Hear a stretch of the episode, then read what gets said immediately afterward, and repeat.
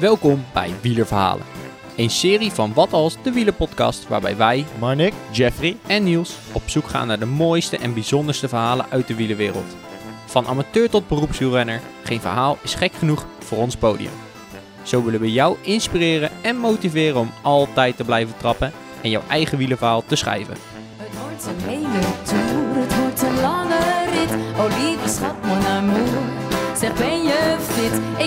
met jou naar de top. Ik zie het paradijs als kleine tussenstop. En dan weer vlucht naar Parijs. Oh yeah. Goeiedag uh, Jeffrey. Goedenavond. Goedenavond, hoe is het met jou? Je hebt al een tijdje niet gepraat in de podcast. Nee, nee. Ik vind het wel heel leuk om terug te zijn. Ja, dat dacht ik. Ja, het voelt En- weer goed, vertrouwd, fijn. En hoe voelt deze ruimte? Deze ruimte voelt huiselijk. Ja, tweede, tweede podcastopname hier. Ja, en tweede seizoen. Oh nee, sorry. Dus wielerverhalen. Dus wielerverhalen. Maar kijk eens even links van je. Wat vind je er nou van? Mooi. Mooi design ook. Ja, hè? Je Credits naar de designer zeker. Ja, SO. Ja, dat dacht ik al. Nee, we hebben hier een mooie foto. Misschien zoals jullie eh, eerder hebben gehoord. Met een foto met drie wielrenners erop. Eh, met Niels nog op kop. Jeffrey, ik erachter. En Marnik, ja, die haakt daar nog achteraan. Maar met alle drie op een super mooie fiets. Niet gesponsord, maar ja, we hebben toevallig nu alle drie dezelfde fiets. We zijn net een ANWB-koppel XL. ja, precies. Precies. Ja, het was die dag ook nog stervenskoud. Ja, Niels die die is maar een beetje een aansteller. Oh, nee, mee. Het was denk ik... Hoe, hoe, nou, ik zit Marnik even aan te kijken. Maar volgens mij was min, min 2.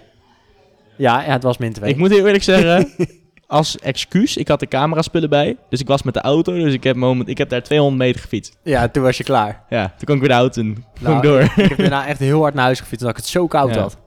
Maar goed, dat terzijde. Wil je dit willen zien? Kom even naar Fietscafé De Proloog. Ja. Ehm, daar zijn we vandaag niet hiervoor. We zijn vandaag hier met een eh, toffe gast voor een nieuw wielerverhaal. Fietscafé De Proloog in Amerongen.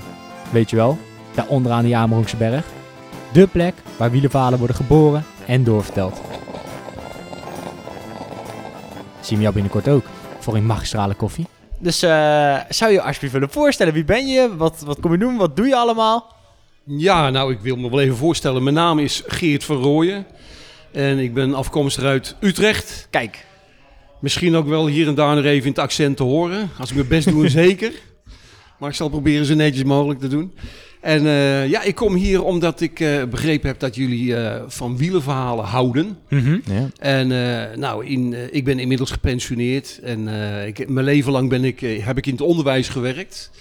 Maar al een paar jaar geleden ben ik gepensioneerd. En in die tijd ben ik vooral creatief bezig. Dus ik schrijf verhalen, columns. Ik schrijf liedjes. eh, ik speel ook eh, muziek in een, eh, in een paar bandjes.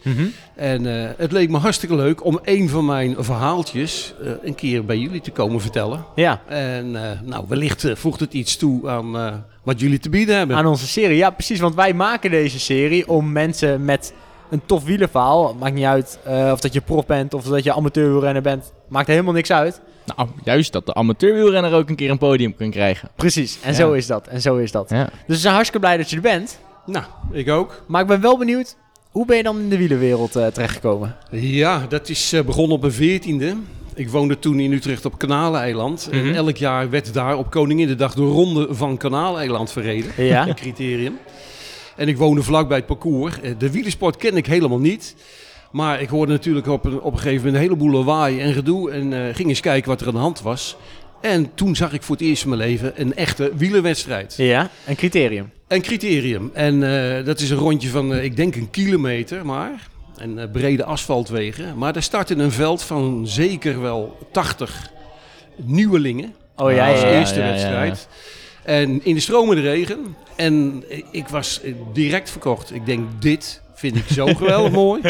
Die glimmende shirtjes, die, die, die, die, die flitsende spaken, het opspuitende water achter de wielen, eh, het gepiep in de bochten, eh, waarvan ik dacht, dat kan nooit met z'n zessen door een bocht, maar het kon wel.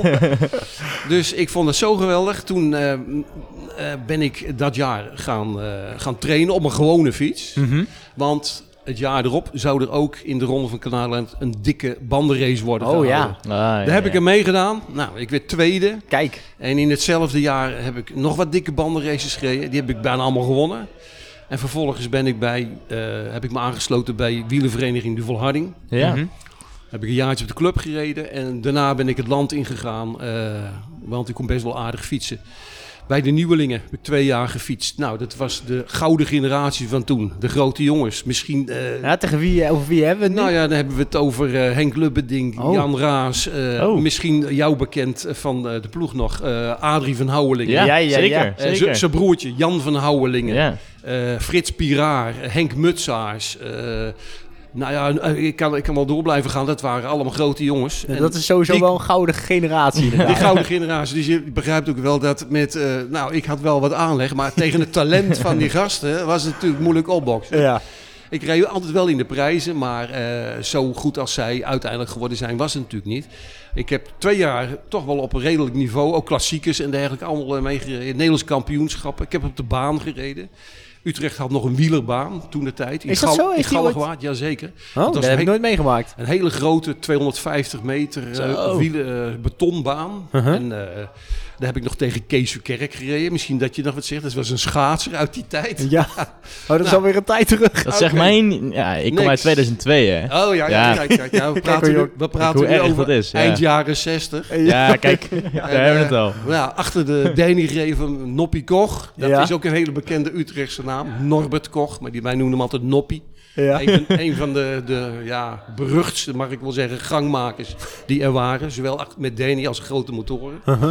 Nou goed, ik heb twee jaar eh, echt zeer intensief gefietst. Maar toen kwam, eh, toen kwam een beetje de, de erin. Ik ben twee jaar amateur geweest. Maar had niet echt veel tijd meer om te trainen. Vanwege eh, school die ik toen deed. Ik zat toen op een HTS. Ja. Heb ik, ben ik ook mee gestopt op een gegeven moment hoor. Maar daar had ik echt geen... ja, kon ik nog maar, weet ik veel, een, een, een uurtje hooguit per dag kon ik misschien vrijmaken. Nou, dat was te weinig Ja, om met, ja. eh, met de amateurs Ja, mee te mee te gaan trainen. Ja. Ja. Dus eh, nou, toen ben ik gaan werken een tijdje. Heeft, heeft, de- heeft de fiets eigenlijk helemaal stilgestaan. En toen ik terug, want dat was, ik werkte buiten Utrecht toen, in de buurt van Rotterdam. Na vijf uur kwam ik terug in Utrecht. Toen ben ik weer opnieuw gaan fietsen. En waarom, waarom kwam die drive dan in één keer om toch weer te gaan fietsen? Ja, dat gaat nooit over. Dat moet ik erbij zeggen. Dus Ja. als je eenmaal eh, besmet bent door die wielenbacil, dan blijft die gewoon in je systeem zitten. En je kunt er wel een tijdje onderdrukken of een tijdje eh, vind je andere dingen belangrijk. Maar op een gegeven moment komt het weer naar boven. En eh, al is het maar passief. Ik volg natuurlijk altijd de koers nog wel. Maar op een gegeven moment, eh ja, dan weer toch weer zelf een keer op die fiets. En Ja. toen heb ik besloten tot een, een rentree. En eh, nou, en inderdaad, na een paar weken trainen ben ik weer gestart in een, eh, ik weet niet wel, een zomeravond competitiewedstrijd van de Volharding. En ik werd direct tweede. Kijk, wel aardig sprinten, dus dat eh, was een voordeel. op de Nederrijnse berg. Nee, nee, nee. Oh, dat was toen dat nog was toen nog op Overvecht. Ah. Ah. Ja, dus, daar was het parcours vroeger van de Volharding. Ah. Maar misschien goed om te zeggen, want de amateurs vroeger is anders dan de amateurs nu. Ja, Want nu hebben de amateurs, dat zijn eigenlijk, dat ben ik. Ja, de, de- wij Ja. rijden zeg maar tot eh 41, 42 gemiddeld. Ja. Maar mijn amateurs vroeger was toch ook elite, belofte, eigenlijk alles, Ja, alles wat hoger Nou, zit. ja, je had toen Ja. eigenlijk de, de, de, nou, de, de beste categorie waren de professionals, hè? De, Mhm. de profs. En dat is nu En, World daar, en, daar, en daaronder, dat, de, een- ja, en daaronder Ja. zaten de amateurs. Dat zou je kun- nu kunnen vergelijken met elite. En Conti. Ja. Of is dat prof? Eh, Con Continental. Continental, dat is denk ik semi-prof. Ja. Ja, oké. heb. Ja, en, Ja. eh, maar amateurs waren toen in die tijd ook semi-prof. Er waren bijvoorbeeld er waren Ja, gasten, precies, dat, ja. Dat er waren gewoon ja. gasten die, dat waren dan betaalde amateurs, Ja. om het zo maar te zeggen. Dat was of prof of niet Ja, eigenlijk. die deden niets anders dan fietsen. Ja. Dat waren gewoon, eh, soms hadden ze een klein, een klein baantje erbij. Maar eh, de echte, de echte goeie, dat waren gasten die gewoon, een, eh, nou ja, goed, ze hadden geen profcontract. Maar ze reden gewoon overal voor startgelden. Ja, En, en amateursponsors Ja, ja. betaalden ook wel materiaal, was allemaal gratis. Ah, ja. op. Maar eh, dat was de, de, de, de, de amateur eh, afdeling. En toen ik herstartte, toen was ik jaar of 25, 26. Toen ben ik bij de liefhebbers gaan rijden. En Oh ja, dat de was liefhebbers, Een, dat ja. was een mindere categorie amateurs. Zo noemen wij ook nu onze sponsor, dat is onze liefhebber. Ja. ook een beetje met betrekking op dat. Ja, Dus, eh, maar je komt hier een verhaal vertellen. ja. Ehm, waarom wil je dat verhaal graag met onze luisteraars delen? Nou ja, kijk, het is zo. eh, de, de, ik ben natuurlijk gek van de wielersport. En ehm, de wielersport heeft vele kanten. Ja.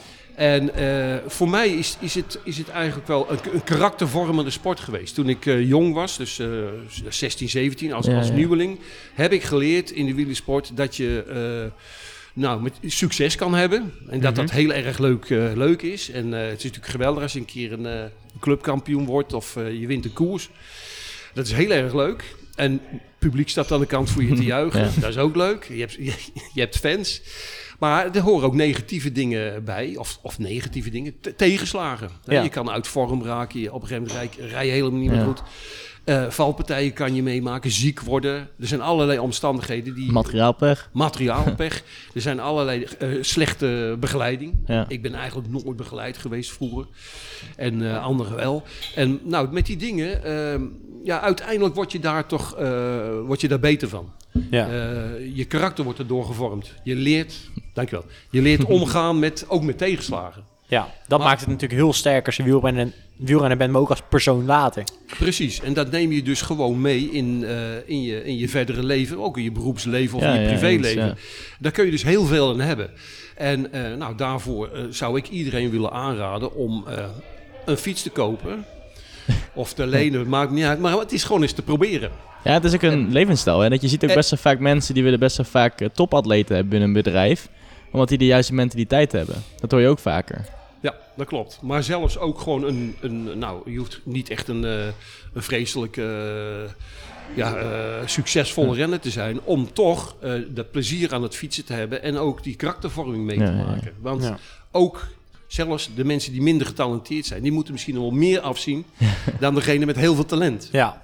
Of vaker in ieder geval. ja, ja, ja, ja. ja, die zitten vaak op het kantje te beuken. Ja, precies. Nou, en dat kan ook gewoon als je toerrijder bent natuurlijk ook. Ik zie heel veel mensen van, eh, ook van mijn leeftijd nog, die het geweldig vinden om een keer de Stelvio of de Mont Ventoux natuurlijk op te rijden. Ja, En dat maakt echt niet uit of je dan eh 6 km per uur maar gaat.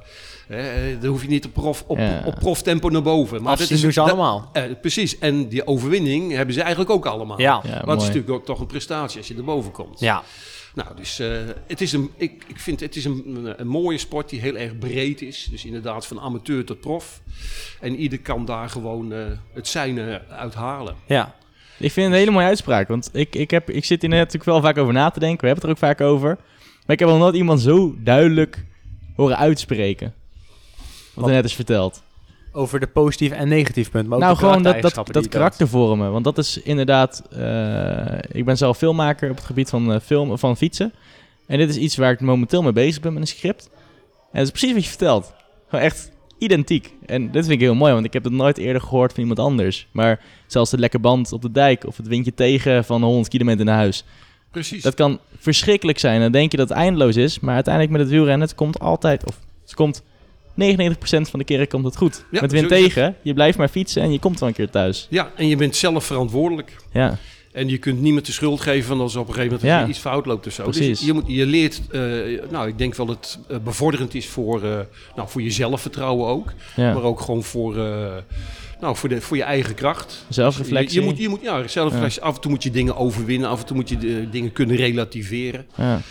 Want ehm, ja, dat, leer je gewoon eh, aldoende, zal ik maar zeggen. En dat zal ongetwijfeld in andere sporten ook wel Ja. eh, het geval zijn. Ja.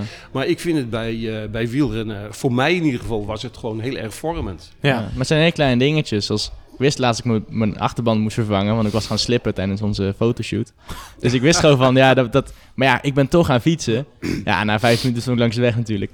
Ja, dat had ik kunnen weten. En dan denk ik toch van, ja, Jeff, toch even opletten, toch even die band verwisselen voordat je weggaat. Ja, Ja. zulke dingen, ja. Maar Geert, met dit verhaal Ja, wil je dus eigenlijk dat wat meer naar voren laten komen. ja en ook ehm, eigenlijk dat je, eh, je kunt niet alles, je hebt niet alles in de hand. Ja. als je fietst. Eh, kijk, het is, het is vaak zo dat, eh, vooral als je succesvol bent in het wielrennen, krijg je soms wel een heel groot ego van. Ja. Dat je denkt, ik kan alles aan. Eh, Ja. En eh, niemand doet mij wat. Eh, maar toch, ja, ik zeg altijd maar zo, ehm, als je fietst, dan fietst ehm, het geluk en de pech, die fietsen altijd mee. En je weet nooit wanneer ze toeslaan. Ja. En dan kun je jezelf wel een beetje voorbereiden. Want bijvoorbeeld, eh, ja, als je met eh, verrotte Ja. banden al start. ja. Dan help je de pech dat, een beetje. Dat, daar had je, daar had je kunnen, dat had je Ja. kunnen voorkomen. En daar ben je zelf verantwoordelijk over. En die ben zelf verantwoordelijk. Kijk, en eh, ja, dat bedoel, een, een lekke band is een lekke band. Ja, je kan bijvoorbeeld ook, stel dat je een afdaling rijdt van een, nou, even weet ik veel, een, een leuke, leuke steile afdaling in Limburg. En je tube zit toch niet zo heel goed vastgeplakt op je velg. En hij Nee. loopt eraf. In, ja, kijk, dan loopt het soms ook nog wel eens een keer heel vervelend af natuurlijk. Ja. Dat heb je dan wel in eigen hand. Nou, dat kun je voorkomen.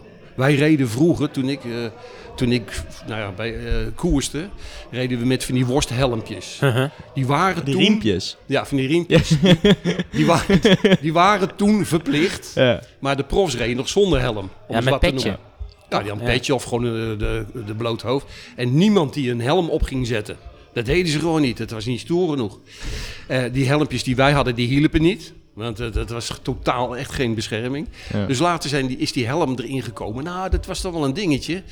Heel veel mensen vonden dat niet zo prettig om op te doen. Nou, Ja. ik, ik kan wel adviseren, doe dat ding op. Want er gebeuren, Ja. er gebeuren af en toe toch wel hele vervelende dingen als je hem niet op hebt. Ja. En met zelfs ook. Maar eh, wat je kunt doen om je te beschermen, dat zou ik zeggen, moet je gewoon doen.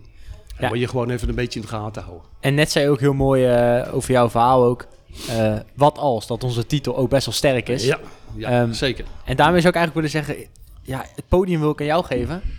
Ehm, Oké. Kom maar op met je verhaal. Ik ben heel benieuwd. Nou, ik zal mijn best doen. Ze boog naar voren om in de achterruit van haar auto haar make-up te controleren. Het was een laatste intensieve vergadering geweest en ze was blij dat ze naar huis kon. Wat ze in de spiegel zag stemde haar ontevreden. Een vermoeid gezicht en haar dat dringend professionele aanpak nodig had. Met haar linkerhand streek ze in weerbarstige lok op zijn plaats en draaide zuchtend de contactsleutel om. Ze reed de parkeerplaats van het industrieterrein af en tikte de radio aan. Een vertrouwde stem somde de files en hun lengte op. Hopelijk zou ze de ellende voor kunnen blijven. Onwillekeurig wierp ze opnieuw een blik op haar gezicht in het achteruitkijkspiegeltje. Shit! Haar linkeroor was oorbelloos. Terwijl het rechter terwijl in het rechter de hanger nog vrolijk heen en weer zwaaide. Ze tastte met haar linkerhand in haar haar en in de kraag van haar jasje. En daarna steeds lager in de plooien van haar kleding. De gouden hangers had ze twee jaar geleden van haar vriend tijdens een vakantie in Griekenland gekregen. Geen industriespul, maar met de hand gemaakt in een goud atelier. Ze waren niet goedkoop geweest. Hij had ze met liefde voor haar gekocht en ze was er erg aan gehecht. Ze stuurde naar de kant van de weg en stopte. Daar zocht ze verder in haar kleding en op de zitting. Voelde tussen de zitting en de rugleuning niets te vinden. Ze boog naar voren en inspecteerde de vloer van de auto. Paniek maakte zich van haar meester. Ze draaide de contactsleutel om en de motor sloeg af. Zo kon ze grondiger verder zoeken. Geheel voorover gebogen keek ze stukje voor stukje langs de randen van de vloermat en tastte langs de rand van het portier. Haar gebogen lichaam verduisterde het licht dat door de autoruiten viel en ze kon niet alles goed onderscheiden. Om beter te kunnen zien, pakte ze de greep van het portier boven haar hoofd en duwde het portier open. Je kunt gerust wat langer wegblijven hoor, Sjaak. Ik moet alles nog klaarzetten voor vanavond. Ben wel een paar uurtjes druk. Ga maar. Dan loop je me ook niet in de weg, lachte ze. Veel plezier en doe Bart de groeten van me. Sjaaks vrouw gaf hem een luchtzoen toen hij met zijn witte Colnago langs het raam aan de voorkant reed en naar haar zwaaide. Hij had afgesproken met Bart om bij hem langs te komen in de beeld. Bart kon wel wat hulp gebruiken met het opschonen van zijn computer, die alsmaar trager was geworden. Sjaak was leraar Frans, maar hij was ook handig met computers. De eerste DOS-computers werden ooit in zijn leslokaal gedumpt, zonder enige instructie of cursus. Alleen een boekje met DOS-commando's zat erbij en een paar floppy disks. Als je daar zelf uit wist te komen, verliep de overgang naar latere systemen met Windows als vanzelf. Het was maar een klein stukje naar de beeld voor een getrainde renner als Sjaak. En toen zijn klus bij Bart erop zat, had hij nog meer dan tijd genoeg om er een echte trainingsrit van te maken. Het was goed weer en de Utrechtse Heuvelrug is een prima domein voor de serieuze wielrenner. Sjaak was op latere leeftijd gaan koersen. Hij was al in de twintig toen hij zich aansloot bij wieleren tourclub De Volharding. Daarvoor had hij als wielertoerist lange tochten gemaakt, onder andere met Bart in Frankrijk. Hij begon, zoals veel renners, met clubwedstrijden. En toen hij daarin mee kon, schroof- schreef hij zich ook in voor open koersen bij de categorie liefhebbers. Hij was geen pottenbreker. Maar meestal kon hij toch wel in het peloton finishen en pakte zo nu en dan ook een prijsje mee. Het fietsen was echt een passie geworden. En het vrijheidsgevoel tijdens de trainingsritten door de provincie was voor niets inwisselbaar. Net als de meeste andere wielrenners was hij uitermate netjes en zuinig op zijn materiaal. De beste Campagnolo-onderdelen en de duurste tubes van Clement of Pirelli ontbraken niet op zijn fiets met Reynolds 531 buizen. Alle onderhoud deed hij uiteraard zelf. Elke winter ging de fiets, tot aan het laatste kogeltje, uit elkaar. En werd weer secuur opgebouwd voor de nieuwe seizoenstart in februari. Het was maar een kleine tik. Maar het stuur klapte uit zijn handen en als eerste kwam zijn heup in aanraking met de harde klinkertjes. Vervolgens gleed hij een stukje naar de andere kant van de straat en kwam tot stilstand tegen de stoeprand. Even wat pijn, maar daarna vloeide alle gevoel vanaf zijn navel tot aan zijn tenen in een paar tellen weg. Zijn romp, hoofd en armen kon hij bewegen, maar heupen en benen leken niet meer aan hem toe te behoren. Het besef was er onmiddellijk. Minutenlang ging zijn gegil en gevloek door merg en been in de aanvankelijk uitgestorven straat, waarin een vrouw met slechts één oorbel in naast haar auto stond met de handen voor de ogen geslagen. Zo, Jee, maar nee. dat is me best een verhaal, eh Ik heb er kippenvel Ja. van, zeg. En op waarheid gebaseerd. Ja. Dus degene die dit betreft, die ken ik persoonlijk. Mhm. En eh, nou, dat is iemand die overigens eh, een heel goed leven nu heeft. Mhm. Maar wel eh, in een rolstoel. Ja. Ja. Want eh, een bijna volledige dwarslesie was het gevolg. Zo. Zo. En denk je dat ook dat de wielermentaliteit hem ook heeft geholpen in het revalideren? Ja, Mentaal? Dat, dat weet ik wel zeker. Dat eh, werd hem ook, hij heeft in de Hoogstraat gezeten in Utrecht, revalida bekend revalidatieoord. En daar werd hij ook wel geroemd om zijn doorzettingsvermogen. Om, hij wilde per se nog zoveel mogelijk eh, eruit zien te krijgen dat hij nog wat kon lopen of wat eh, anders kon bewegen. Ja. En dat heeft hij ook wel bewezen. Hij is eh, jarenlang bezig geweest met revalideren. Vele malen zich laten opereren. En eh, uiteindelijk ook weer in sport gaan doen. Dus rolstoeltennisser geworden.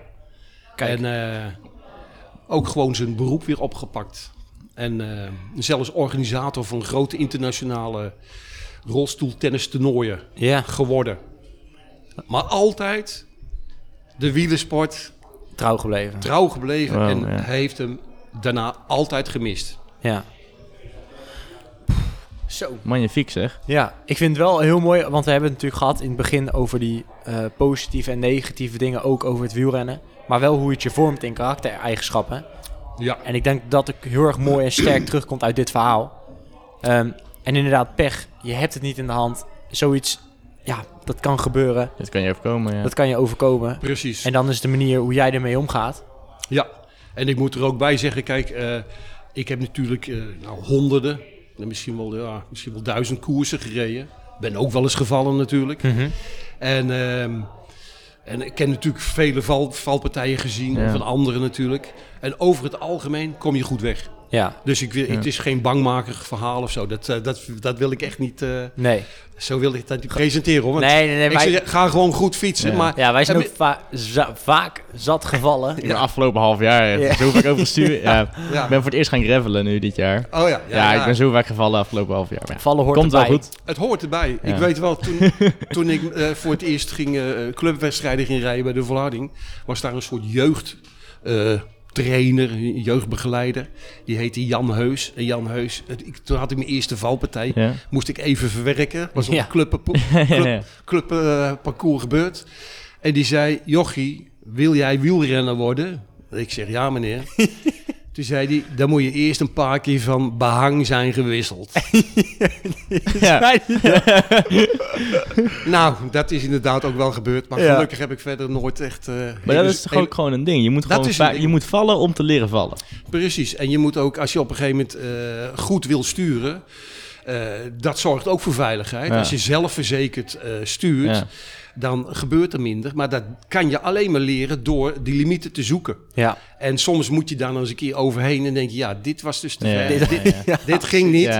Oké, ja, goed. Dan, dan zit je even op de, op de blaren. Maar daar leer je wel van, eh, van, van wat wel en niet mogelijk is. ja, mits je dus gewoon rechtdoor fietst en dat er gewoon iets gebeurt waar je zelf geen grip op hebt. Nou, en dat is, eh, dat zeg ik ook wel eens. Hè. Ik heb het geloof ik al een keer eerder gezegd. Geluk en pech fiets gewoon met je mee. Ja. Daar kun je niks aan doen. Ja. Dus ik, maar het is wel mijn advies.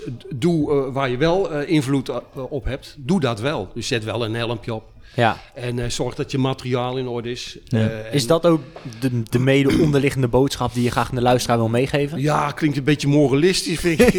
en dat, dat ben ik nou eigenlijk ook weer niet. En, ik, en, en- ja, nee, dus maar het- is gewoon verstandig. Ja. Want ik moet erbij zeggen, ik was zelf vroeger ook vrij onvoorzichtig. Eigenwijs misschien. Ja. Nou ja, maar ook wel onvoorzichtig van dingen gedaan waarvan ik nu denk, ja, oh, hè, ik ben nu ouder, hè, dat scheelt natuurlijk. Ik ben bijna, ja, volgende maand word ik 70, dus dan, dan, word, dan word je wat, ja, wat, wat, Wat wijzer. ja, wat wijzer. Toch wel? bedaard. Maar als je jong bent, ja, dan doe je Ja. dat niet. En dat moet je ook niet doen. Want anders Nee. kan je ook geen massasprint winnen. Nee, en dan, kan je nee, ook, nee. dan, dan kom je nooit. Maar in het verkeer, dus op de openbare weg... Ja, daar loert, vind ik, het, Ja. het meeste gevaar van, eh, van onverwachte dingetjes. Ja, eens, Ja. ja. Dus daar moet je wel een beetje gewoon goed opletten. Maar hoe beter je leert sturen, hoe meer risico's je in de koers hebt genomen... of op een afgesloten parcours, hoe beter je ook daarmee om kan gaan, vind Ja. ik. Want je reactievermogen wordt beter, je, Ja. je, het, het anticiperen op dingen wordt beter.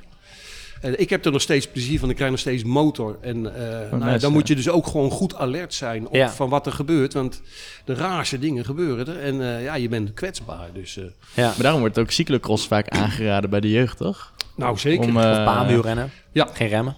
Nou, en dat is Ja. misschien, ja, ik, ik, ik wil dus degene over wie het gaat er niet tekort Ja. doen. Maar dat was ook wel iemand die was op latere leeftijd gaan koersen. Die had niet die handigheid Ja. die eh, jongens zo, zo, zoals ik toen was. Op, jong, op jongere leeftijd Ja. gingen wij al van allerlei rare dingen doen op de fiets. over het ijs fietsen en, eh, en over de spoorrails proberen. Weet je, hoe lang... Hey, wacht, wacht even. even eh, een, een, eh, hoe noem je dat ook alweer? Een terugblik? Nee, nee, nee. Even een claim dat mensen dit, moet, dit Oh, moeten gaan doen. Do not try this at home. Nou, wat zou ik even vertellen? Ik werk met Fat Pigeon, dat is ons bedrijf. Ja. En wij doen gekke dingen op de fiets. Dus wij zijn toevallig, toen er afgelopen week ijs lag, zijn we met, eh, met ijzerbanden, met van die noppen erin, zijn we Oh. over een heel meer gaan fietsen. Oké. Dat staat Ja. allemaal op Instagram met uh, droombeelden en zo. Piep, piep. Don't try this. Ja. Ja. Moet je ook gewoon niet proberen. Nou, Nou, ja, wel vet man. Dan moet ik erbij zeggen, toen ik jongens, wij hadden dus die noppenbanden niet. niet, nee. Wij deden gewoon met tubes, Ja. gewoon over de loosrechtse plassen. Met 23 mm zeker. En, eh. eh, nou, die waren eh, 18 mm. Waren Oeh, hele smalle- 18! Wat? Ja. Dat is je pink. Dat waren de hele smalle bandjes. en dan, reden we, dan moest je heel zachtjes beginnen, want anders lag je al Ja. direct. Maar dan wist je op het ijs toch een vrij hoge snelheid te bereiken. Ja? Met wind mee. En dan eh, maar ja, remmen en, en sturen was Dat uit, ging de, niet. uit de boos. Je moest echt, ja. En dan, ja, uiteindelijk dan eh, lieten we ons toch wel gewoon vallen. En het materiaal was gesponsord? Of, eh? Nee, dat waren gewoon onze eigen Stalen fietsen. buizen. Oh. Waren denk ik nog stalen buizen, toch? Nee, die kunnen daar gewoon Dat waren tegen. stalen Die buizen. kunnen daar tegen. Ja, al rij je hem tegen de muur aan, die, die blijft Ja. gewoon heel. Ja, nou, dat bleef wel heel En dan, je, je, valt, ja, je gaat eigenlijk gewoon onderuit. En eh, omdat het ijs ook glad is, gebeurt er eigenlijk niks. Nou ja, dan glij je door. Het, het- ja, je glijdt gewoon Ja. door. Dus eh, als je dan geen palen of geen eh, dingen... ja, je moet niks tegenkomen natuurlijk. Ja. Maar de zorg dat we midden op de plas kon dat echt geen kwaad. nee, nee, Wat nee. goed zeg. Ja, ja. Maar, Nee, maar dan leerde je ook weer, ja, weer van... eh, eigenlijk was het weer spelen. Ja. Hè, gewoon, eh, Spelende wijs. sp- spelen op de fiets. En dan leer je uiteindelijk toch wel serieus van... nou, dat kan je wel en dat kan je Ja, niet maar dat is echt wel een Ja. ding hoor. Dat Ja. is echt wel een ding. Want ik stapte in Ja. de junioren. Nou, dan merkte ik al gewoon dat ik te laat was. Want iedereen die kon sturen. Iedereen die stuurde om valpartijen heen. Nou, ik was gewoon ook de lul. Want ja, ik kon gewoon niet sturen. Ja. En nu ben ik eindelijk off-road aan het fietsen. En nu merk ik ineens... Ja, je krijgt toch in één keer een spoedcursus. Want die boom die komt er gewoon een keer aan. ja, je moet hem een keer ontwijken. Ja. Ja, ik ben er gewoon een keer tegenaan geklapt. Dus ja, Dat wil je gewoon niet. Dus je, je gaat sturen, je moet. Je moet. Je gaat iets eh, verzinnen, Ja, je dat moet. de volgende keer niet meer... Ja, je moet. Dus ja, ik merk nu, ik denk dat het echt over mij echt twee, drie jaar duurt voordat ik echt goed kan sturen in een peloton. Dat is niet zomaar één op de andere dag.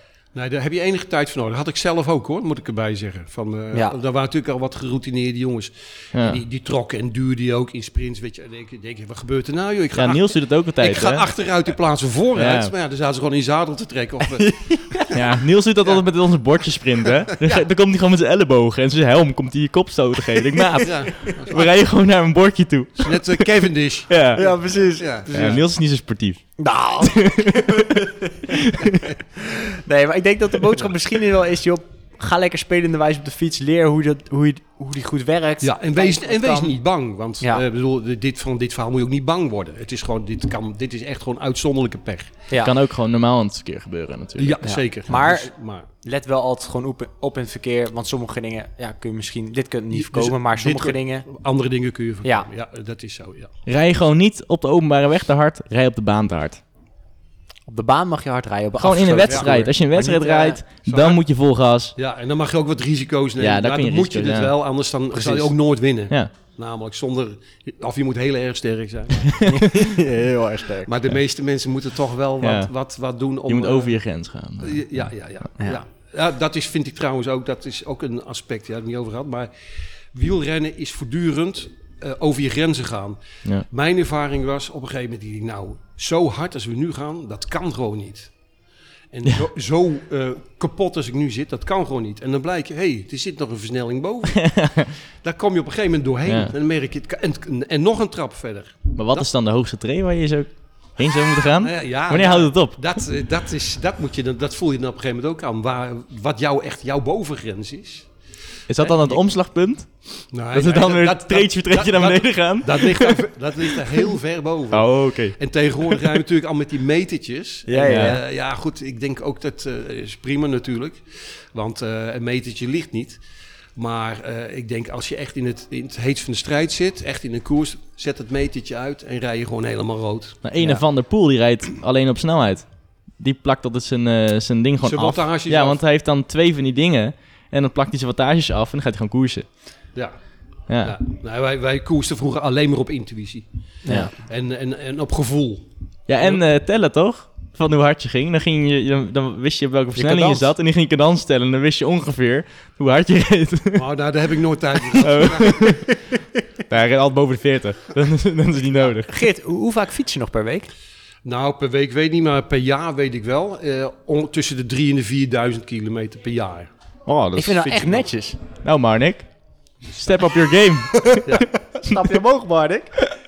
en eh, het leuke is, toen eh, ik, ik kwam, toen was ik een jaar of eh, iets over de 30, kwam ik de vrouw waar ik nog steeds nu bij ben. Die kwam ik toen tegen en eh, toen gingen we op vakantie naar Frankrijk. Eh, nou, toen had ik mijn racefiets nog bij me. Ik de Mont Ventoux op met een of andere Belg die ik daar was tegengekomen. en eh, nou, het leek, zij met de auto en eh, het leek er ook wel leuk. En ehm, ik zei, nou, dan ga je het toch ook proberen. En eh, een fiets daar in Bédouin gehuurd. Ze stapt op die fiets en ze rijdt zo naar boven. Nee. Ongetraind, nog nooit gedaan. Dus Step up your game, Marnik. Kwam, ze met kramp boven? nee, zonder kramp. Zonder kramp? Mardik wel. Marnik had kramp. Ja, dat kan, kan En gebeuren. in welk jaar was dit? Ja, dat is een tijd geleden. Dat, eh, dat is een jaar of dertig geleden. Dus, Ja, moet je eh, nagaan wat voor fiets Marnik nu omhoog reed en zij toen omhoog reed. ja. Ja. Nou goed, maar vanaf die tijd heeft zij dus eh, hebben we ook een- heeft zij een racefiets gekocht. Ja. En eh, nu fietsen we dus nog regelmatig samen. Gaan we in Ah, Limburg. fantastisch. Oh, dat is wel leuk. die van toe hebben we nog eens gedaan als sponsor, Ah, sponsorrit voor de MS. eh, Oh, ja, ja, ja, Nou, en.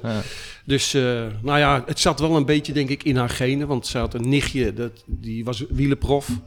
Dat was, eh, hoe heet ze? kun je- Adrie Visser, misschien wel eens Ja, gehoord. Zat in de, in de ploeg van, eh, van Vos, Ja. Knecht. Maar Oh. dat is een nichtje van het. Nou, dat was ook een goede fietser. Maar dat, ze wist heel niet dat ze dat talent had. Dus Ja. ik, eh, Ja. ik raad ook iedereen op welke leeftijd dan ook aan. Probeer het een keer. Ja. Je kan zomaar verrast zijn dat, je, dat blijkt Ja. dat je dat heel goed kan. Ja. Of je bakt er niks van. Ja, dat dat kan, kan ook. ook. Maar, dat- Ja. maar ik zou zeggen, niet geschoten is altijd mis. Probeer het gewoon. Conclusie van dit Nou, verhaal? ik wil nog één, één Oh, laatste God. vraag stellen. Komt u waar. Nog één laatste vraag. We hebben natuurlijk net een, een beetje een droevig verhaal gehoord. eh, Wat verdrietig. Ja, maar uiteindelijk is het wel goed afgelopen Ja. hoor. Ja. Maar wat is nou jouw mooiste moment op de fiets? Na al die jaren. Het mooiste moment op de fiets? Ja. Nou, dat is toch, denk ik, eh, in mijn nieuwelingentijd heb ik wel een paar leuke overwinningen behaald. Eh, en zelfs ook eh, niet eens overwinning, maar tweede plek waar ik heel erg trots op ben. En ehm, ja, dat blijft me toch wel bij. Ja? Gewoon de successen die je op een gegeven moment behaalt eh, na hard werken. En welke tweede plek, waar was dat? Ja, het zijn er verschillende geweest. Ik, ik, eh, ik kan er bijvoorbeeld één nog heel goed herinneren. Waar ik overigens geen leuk gevoel bij heb. Dat werd ik tweede op het provinciaal kampioenschap van Utrecht. Ja. Was ik eh, weg met een, eh, een jongen, Henk van Ree. Wij met z'n twee. Ik demereerde, hij kwam met me mee. En wij hebben de hele koers eh, hebben we voorop gereden. We hadden twee minuten voor op de rest. Dus het was een sprint tussen hem en mij. Ja, en ik verloor die sprint. Maar door een stommiteit eigenlijk. Het was een sprint met wind mee. En eh, ik kwam uit Civiel. Ik had dat nooit moeten doen. Ik had gewoon... Gewoon echt op het laatste randje. In het is eigenlijk de fout die Wout van Aert maakte tegen Van der Poel in de ronde van, eh, De Ronde van Vlaanderen. van Vlaanderen. Toen kwam hij ook uit het wiel. Dan kom je er niet meer voorbij. Als, je te- als, je, als de sprint te kort is. Dus eh, dat deed ik toen ook. Dat was een, dat was een, eh, nou goed, dat was een fout. Waar, daar zit ik nog mee. Die ik had daar moeten, Ik hoor had, het. Ik had daar moeten winnen. Maar goed, eh, het is hem gegund. Maar daar heb ik wel dus iets van geleerd. Ja. Van zo moet je dus niet doen. Ja. Oké. Nou, en ik heb ook een keer een, waar een, een sprint verloren van Fred Veldhuizen. Zeg je Ja. misschien niks, maar Fred Veldhuizen was Nederlands kampioen bij de, bij de aspiranten ooit. Ja. Was een hele goede, goede renner. In dezelfde tijd als Lubberding, noem maar op. En eh, de ronde van Uithoren. Ja, die heb ik ook wij, uitgereden. Oké, nou komen, komen wij met, Ik ook. met z'n tweeën, met z'n tweeën in een sprint. En hij was een veel snellere sprinter dan ik. Dat wist ik. Maar goed, hij wint dan ook terecht. En ik word tweede. Maar dat was wel een hele mooie tweede plaats. Ja. Ja. Want het was een heel sterk eh, deelnemersveld. Het maakt natuurlijk ook uit. In die tijd waren er eenvoudigere koersen. Maar ik reed meestal in Brabant. Daar Ah, wa- dat waren de, de beste koers. Er werd het meeste geld steeds, hoor. verdiend. Vind ik Ja. nog steeds. Ja. Ja. Daar zijn tenminste prijzenpotten inderdaad. De Ja. prijzenpotten Nog waren. steeds, ja. En ik had geen. Ja, ik, mijn, mijn ouders en zo, die vonden dat fietsen me helemaal niks. Dus ik moest alles zelf verdienen. En dat deed ik dan. eh, elke premie die maar kon, eh, kon pakken, die, de, de sprintte ik voor. Maar dat is wel goede motivatie. Dan- ja, maar dan kom je wel eens in de, in de, in de eindsprint of in de. Tekort. Dan, Ja, dan kom je ja. tekort. Maar Ja. dat maakte mij daar Maar niet jij, jij bent wel degene die met een zak geld wegloopt en de rest die Ja, staat... eh, Zeker. Die kan er naar fluiten, want dan is er maar één iemand die wint, hè? Dat klopt. En bij Ja. Uithoren Fred Veldhuizen won. Maar ik ging met 150 gulden. Ja, kijk, In die tijd was dat een hoop geld. tel uit je huis. winst. Ja. Ja. Dus, nou, Kijk maar- wie het laatst lacht. Ja. Maar ik heb ook gewoon nu, nu vind ik het hartstikke leuk om gewoon lekker als het, eh, Lekker als het mooi weer is en eh, slecht weer, dan ga ik niet fietsen. Maar als het mooi weer is, ga ik gewoon lekker een stukje toeren. En dan rij ik eh, over de Lekdijk hier naar Amerong of zo, de Amerongse berg over. Ja, fantastisch. Nou, dat is Ja. geweldig. Ja. Dus ik denk eigenlijk, conclusie van het hele verhaal bij elkaar. Probeer dat fietsen eens uit, want het is hartstikke mooi. Het kan Zo je altijd het. wat brengen op elk niveau. Zo is het. Precies, Ja. En denk niet te veel na over de risico's, maar wees wel voorzichtig. precies. Ja. Dat is een hele mooie. Leuk dat je luisterde naar Wielenverhalen. Een serie van Wat Als, de Wielenpodcast. Heb jij een wielenverhaal die echt gedeeld moet worden met de wielenwereld? Twijfel dan niet en stuur een bericht naar ons telefoonnummer 06 82 61 2419. Wil jij meer afleveringen luisteren? Abonneer dan nu via Spotify, iTunes of jouw favoriete podcast app, zodat je geen aflevering meer mist.